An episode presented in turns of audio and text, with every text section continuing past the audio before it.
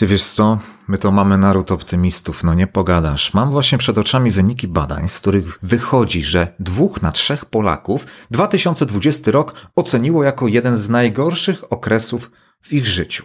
I chyba niewiele robią, by kolejny rok był lepszy, bo wedle tych samych badań, zrobionych dla porządku powiem, przez firmę ARC Rynek i Opinia tylko 28%, czyli nawet nieco trzeci, tylko 28% ludzi wierzy, że 2021 będzie lepszy. Cała reszta spodziewa się wielkiej kupy, bo jak widzę, to co piąta osoba twierdzi, że będzie tak samo źle.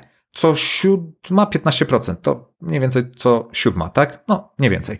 Coś, nie, co ósma, nieważne. 15% twierdzi, że będzie jeszcze gorzej niż było, a co trzecia osoba nie ma zielonego pojęcia, jak będzie wyglądał jej rok, tej osoby.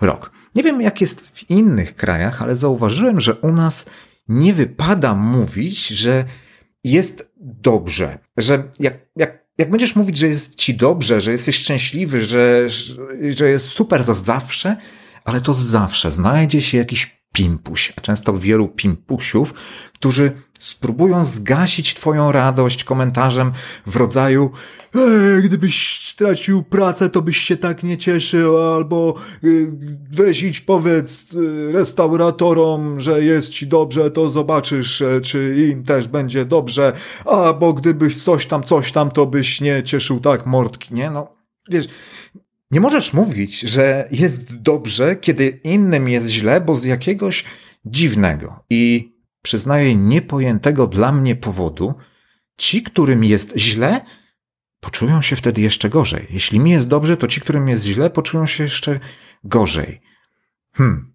Wydaje mi się, że wielu ludzi jest zbyt tępych, aby zrozumieć, że ich sposób myślenia w dużym stopniu zależy od tego, wokół jakiego sposobu myślenia się obracają, wokół jakiego sposobu myślenia żyją. Jeśli całe życie otaczasz się ludźmi sfrustrowanymi, pesymistami, widzącymi wiecznie czarne kolory, to ty też zarazisz się od nich tym pesymizmem i tą frustracją. No nie wiem, jak ma, masz ty, nie wiem, ale no, ja, ja w trudnych chwilach, ja nie potrzebuję obok siebie drugiej osoby, która w tych trudnych chwilach będzie mnie utwierdzała w przekonaniu, że wyżej dupy nie podskoczę, że faktycznie jest źle, że jest, że no jest, jest, jest przejebanie. Ja potrzebuję wtedy kogoś, kto wyszedł z dołka, kogoś, kto mnie zainspiruje, kopnie w dupę, pokaże, że jednak można robić więcej, przeżyć więcej, zrobić coś inaczej, że jest jakieś światełko, cholera w tunelu. No ale ja już tak też mam, że ja, ja się cieszę z sukcesów innych. Ja uwielbiam ludzi, którzy się chwalą, bo ludzie generalnie nie lubią słuchać przechwałek innych. A ja lubię. Lubię słuchać i chwalenie się, i przechwalanie się. Lubię ludzi nieskromnych. Prawdopodobnie dlatego, że sam do skromnych nie należę, no ale jak mógłbym należeć do skromnych, skoro jestem tak zajebisty? Gdyby zrobiono głosowanie na najpopularniejsze słowa wypowiadane w 2020 roku, pewnie byłby to zwrot w tych trudnych czasach. Żygam już tymi trudnymi czasami. Ciągle to czytam, ciągle to słyszę, ciągle ktoś próbuje mi wmówić lub pocieszyć, że żyjemy w trudnych czasach. Trudnych jak sobie czasach, radzisz? Jak w trudnych czasach życzyć wszystkiego najlepszego. W tych trudnych czasach musimy jakoś żyć. W tych trudnych czasach przejdźmy razem przez te trudne czasy. Przejdźmy razem przez te trudne czasy. Przejdziemy? No mam nadzieję, że przejdziemy, tylko że nie możesz być w grupie osób, które nie mają planu na kolejny rok, albo co gorsza, z góry zakładają, że kolejny będzie jeszcze gorszy. No hello, to kiedy ma być lepszy? Szczęście, złoto i przystojni mężczyźni nie spadną ci z nieba. Fakt. Rok 2020 dla jakiejś grupy ludzi był przerąbany i oni nie są nawet temu winni, po prostu mieli pecha, że działali w takiej, a nie innej branży i nie zamierzam im w żaden sposób mówić, ej, stary jest dobrze, weź ty się nie przejmuj, że ci firma pada i nie masz czego płacić pracownikom, bo to jest dramat, owszem. Ale na szczęście, znowu się powołam na te badania, e, jest tutaj wykazane, że ponad połowa osób nie straciła zawodowo w ubiegłym roku, czyli w skali całego 40-milionowego społeczeństwa nie jest tak, że miliony Polaków znalazły się w sytuacji bez wyjścia, znalazły się w sytuacji dramatycznej. To prawdopodobnie są tysiące, nie znam niestety danych, ale większość jest w sytuacji, w której mogą wziąć sprawy w swoje ręce i mam nadzieję, że ty do tej większości należysz. Mogą, ale nie chcą. Albo chcą, ale nie biorą, bo coś tam, bo mamy trudne czasy.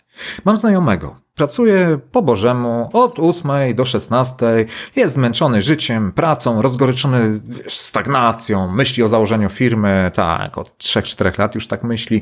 W marcu powiedziałem mu, żeby powoli zaczął budować swoją markę w sieci, bo chyba idą gorsze czasy i może być krucho z jego pracą. W grudniu z kolei y, znowu sobie pogadałem w święta z tym znajomym, znowu marudził na życie. Na szczęście zwolnienie z roboty mu nie grozi jest ok, ale on wciąż bardzo chciałby coś zmienić.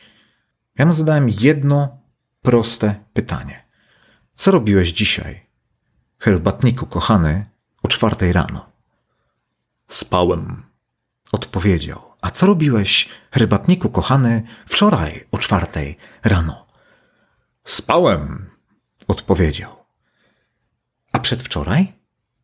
No dobra, jak się domyślasz, odpowiedź zawsze była taka sama. Jest odrobina takiego taniego, taniego coachingu, ale mimo wszystko też dużo prawdy w powiedzeniu, że najbogatsi i najszczęśliwsi ludzie o czwartej rano albo kończą dzień, albo go zaczynają. Ja nie muszę wstawać o czwartej czy piątej rano.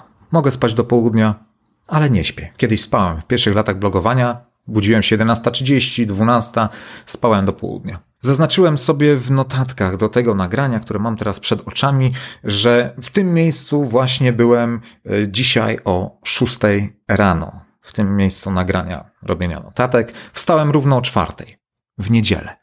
Wczoraj w sobotę też siedziałem od czwartej rano, akurat tam mm, zwykłe czyszczenie komputera, porządkowanie notatek, maili, źródeł i tak dalej.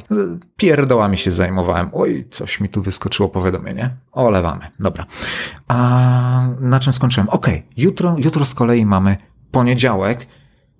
Oj, boję się, że jak wstanę jutro o czwartej rano, to nie wyrobię się z robotą, bo, bo muszę rozpisać sobie cały plan nagrania na żywo na wtorek. No ale dobra, spróbuję. Na palcach jednej ręki mogę policzyć, ile razy w tym roku zasnąłem później, w zeszłym roku zasnąłem później niż o północy i wstałem później niż o siódmej rano. Na palcach jednej ręki. Nie mam pewności, jaka będzie moja przyszłość. Nie kozaczę, że jest super i będzie super, bo tego nigdy po prostu nie wiesz. Nie wiem, ile zarobię w kolejnym roku, czy będę szczęśliwy, nie wiem, czy moje produkty przypadną ci do gustu. Mam jednak pewność, że do swoich planów i do ciebie przy okazji podchodzę uczciwie. Okej, okay. też, też się opierdalam, opierdalam się jak cholera, ale dopiero po trzynastej każdego dnia.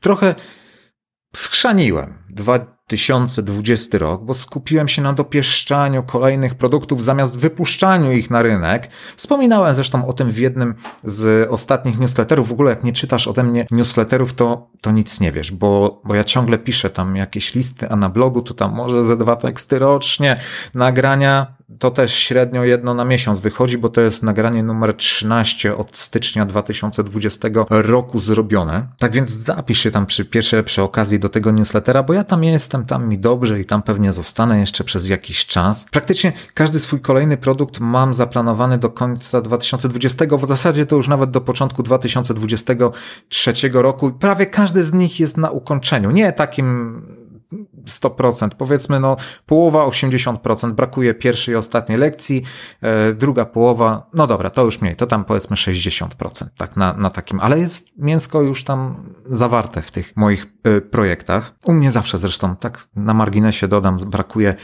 pierwszych i ostatnich lekcji. Jak obojętnie czy piszę książkę, czy robię jakieś szkolenie, to pierwsza i ostatnia lekcja jest na samym końcu. Dlaczego? Bo mi to, ja to zapamiętałem e, z, no, pracy magisterskiej. Promotor mi kiedyś powiedział, nie, słuchaj no, herbatniku, wstęp do pracy powstaje na końcu, bo dopiero na końcu wiesz, o czym w ogóle piszesz. I to mi tak utkwiło, że w pamięci, że no, przełożyłem to na swoje produkty, bo to faktycznie ma sens. Jak ja mogę robić pierwszą lekcję, która jest niejako wstępem do reszty lekcji, skoro ja jeszcze nie mam tej reszty lekcji. Nie wiem dokładnie, czego nauczę, chociaż w sumie wiem, bo jest scenariusz zawsze jakiś. No ale to się sprawdza. U mnie za, zawsze pierwsza i ostatnia lekcja są na samym końcu. Tym bardziej, że końcowe lekcje um, to jest tak, że ja ciągle kombinuję, co jeszcze dodać, żeby jakoś tam zaorać konkurencję. To jest taka moja mała obsesja, aby zawsze mieć produkt, który wyróżnia się czymś. Więc kiedy ja sobie myślę, że już mi brakuje jednej czy dwóch ostatnich lekcji, to tak naprawdę jeszcze brakuje mi trochę więcej, bo ciągle coś tam, kurde, muszę dokładać. I, i niedawno, Jezus, dopisałem jedną lekcję do planowanego mojego szkolenia z pisania newsletterów i, i ja ją dodałem dopiero niedawno, po, Boże, ja już skończyłem nad tym szkoleniem pracować tak mniej więcej w sierpniu, wrześniu. No ale coś mnie zainspirowało. W ogóle, e, o, dam ci to na właśnie na przykładzie. Skoro już jesteśmy przy, przy tych newsletterach, ja zauważyłem, że wszystkie szkolenia z newsletterów podchodzą, ja nie mam szkolenia z newsletterów na razie jeszcze jakby, co nie? Yy, wszystkie szkolenia z newsletterów podchodzą do tego tematu bardzo podręcznikowo. Załóż to tu i tam, pisz często, tam dorzuć e-book albo innego wienko, daj, zachęć do dyskusji, wstaw widget na bloga. Takie podręcznikowe banałe. Przecież tworzenie dobrego newslettera to jest realizowanie pewnej filozofii, tak? Kreowanie swojego stylu, nawiązywanie relacji z czytającym list. To są przede wszystkim emocje. U mnie newslettery są zawsze rytuałem. Głupi list, który przeczytasz w ciągu kilku minut, może nawet nie tyle, może nawet krócej, w ciągu dwóch minut przeczytasz mój list, albo nawet półtorej minuty. Ja potrafię tworzyć uu, wiele godzin. Nawet i po 8 godzin czasami siedziałem nad niektórymi listami, bo w dzisiejszych czasach newsletter, jako nie wiem jakby to nazwać, biuletyn, kurde, informacyjny, po prostu nie jest czytany, bo jesteśmy zasrani takimi newsletterami. Nie ma, nie ma w tych biuletynach żadnych emocji. Wiesz, dostaję kilogramami newslettery w rodzaju takie z dupy, nie? Nie, nie, nie pisze ktoś miesiąc, dwa, trzy, cztery, pięć i nagle jeb, hejka, tu jest promka na mojego e-booka, super szansa, kupuj teraz, narka i koniec. I znowu przerwa kilka miesięcy nie? i następne ogłoszenie o jakiejś sprzedaży. A do newslettera trzeba podchodzić jak do bloga, Instagrama, jak YouTube'a. Tak super serio, ze strategią, sercem i emocjami tym sercem to tak przesadzam może troszkę, nie? Ale nie, dobrze, czekaj, strategią, sercem, emocjami. Jezus, jak to zabrzmiało. Mój Boże, poetycko, kurde. Dobra, okej, okay, już wyjaśniam, dlaczego w ogóle zrobiłem te dygresje w stronę newsletterów, bo e, wcale nie odbiegłem tak bardzo od tematu. Co zresztą samo nie byłoby takie złe odbieganie od tematu, bo nigdzie nam się przecież nie spieszy. Ty weź skarbie moje. Ty śpi. Ty nie wstawaj z kurami. Ja ci tego nie każę robić, ale polecam, bo cudownie się pracuje o tej porze. Nikt dupy nie zawraca. Ja na szczęście mieszkam sam, tak? Więc nawet jak piesia się nie szlaja o tej porze po mieście, to zwykle i tak śpi o czwartej rano, więc jedyną osobą, którą o tej porze wyprowadzam na siku jestem ja. I mogę w pełni skupić się na robocie. Co jest w sumie bzdurą i kłamstwem, bo zwykle pierwsza godzina mojej pracy to oglądanie NBA, bo zawsze NBA gra, grają w nocy, albo jakieś tam amerykańskie stacje telewizyjne, bo nadają wtedy najlepsze programy akurat w tej, o tej porze. Więc zanim ja się za tą robotę wezmę, to ta godzina, półtorej mija. W każdym razie, nikt mnie nie zmusza do wstawania rano. Ja po prostu chcę to robić. Ja to lubię robić. Bardzo często jest tak, że kładę się spać i myślę sobie, o kurde, ale rano będzie zajebiście, zrobię to i zrobię tamto, tylko tak myślę sobie właśnie, żeby jak najwcześniej wstać, żeby jak najszybciej się za to zabrać. Ja nie, nie, nie umiem, absolutnie nie umiem pracować wieczorami. No nie ma bata, nie i koniec. O 20, na przykład pierwszej, drugiej, trzeciej, czwartej ja nie pamiętam, żebym kiedykolwiek o tej porze pracował. Nie, chyba, nie wiem, wieki temu, lata temu. Nie umiem i koniec. I bywa tak, wcale nierzadko, że jestem w łóżku o 19, bo już się nie mogę doczekać, aż wstanę i dokończę robotę. Sedno w tym, aby spróbować odnaleźć radość w tym, co się robi, co się planuje, w tym, co się realizuje. Podążać za emocjami, to zarówno w życiu, jak i, jak i w biznesie. Nie za tym, co wydaje ci, że musisz, że czego oczekują od ciebie ludzie. Ja miałem bloga bardzo popularnego, teraz przestało mi to sprawiać przyjemność, przestałem pisać e, tego bloga. Miałem całkiem spory Instagram, no 20-tysięczny, tak? No to założyłem nowy, bo tamten mi się znudził. Miałem całkiem, mam całkiem spory fanpage, tak? Ale w ostatnich sześciu latach praktycznie na nią nie pisałem, bo nie sprawiało mi to radości. Ostatnio piszę więcej, bo sprawia mi to radość. Szybciej mi się strona ładuje po zmianach na, na Facebooku. Pisałem książki, chyba nawet niezłe, ale bardziej polubiłem szkolenia online, no to przestałem pisać książki. Teraz znowu wróciłem do tego, ale no spoko, prędko kolejnej nie wydam. Zawsze za to wiedziałem, że muszę nagrywać na YouTube. Muszę. To jest to, ta różnica między tym, co chcę, a tym, co muszę. Ale nigdy tego nie pragnąłem.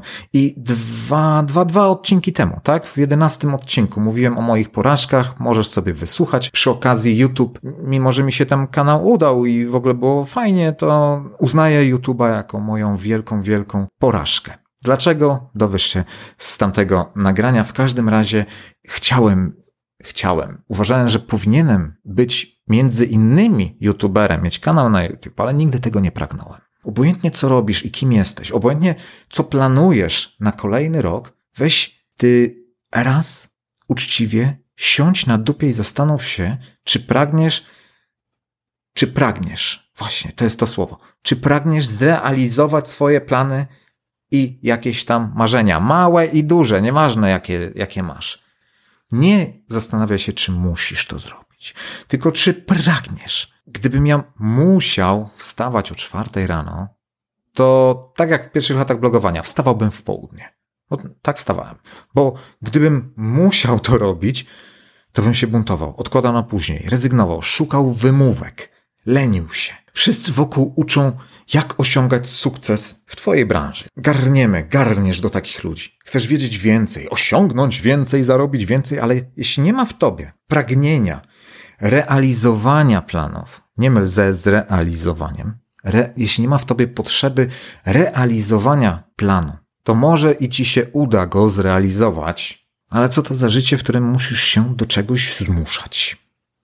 Co to za przyjemność? Nie każdy może wstawać o czwartej rano lub zasypiać o czwartej rano. Ja wiem o tym doskonale, bo największą grupę masterek stanowią u mnie influencerki parentingowe. Okej, okay. Wiem, że praca, że dzieci, że coś tam, ale wiem też, że kiedy czegoś lub kogoś pragniemy, to czas zawsze się znajdzie i chęci też się znajdą.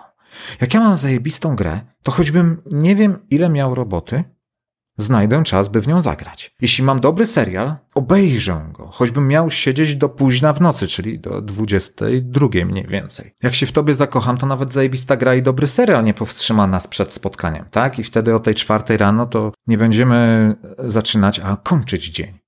To nagranie powstaje 4 stycznia i jest to dla mnie taki symboliczny dzień, bo właśnie przed laty 4 stycznia opublikowałem pierwszy post pod marką Jason Hunt. I to był dla mnie szczególny czas, bo udało mi się wtedy wypieprzyć, skasować, zaorać, odrzucić wszystko to, co wcześniej wydawało mi się, że muszę mieć, muszę robić i muszę kontynuować.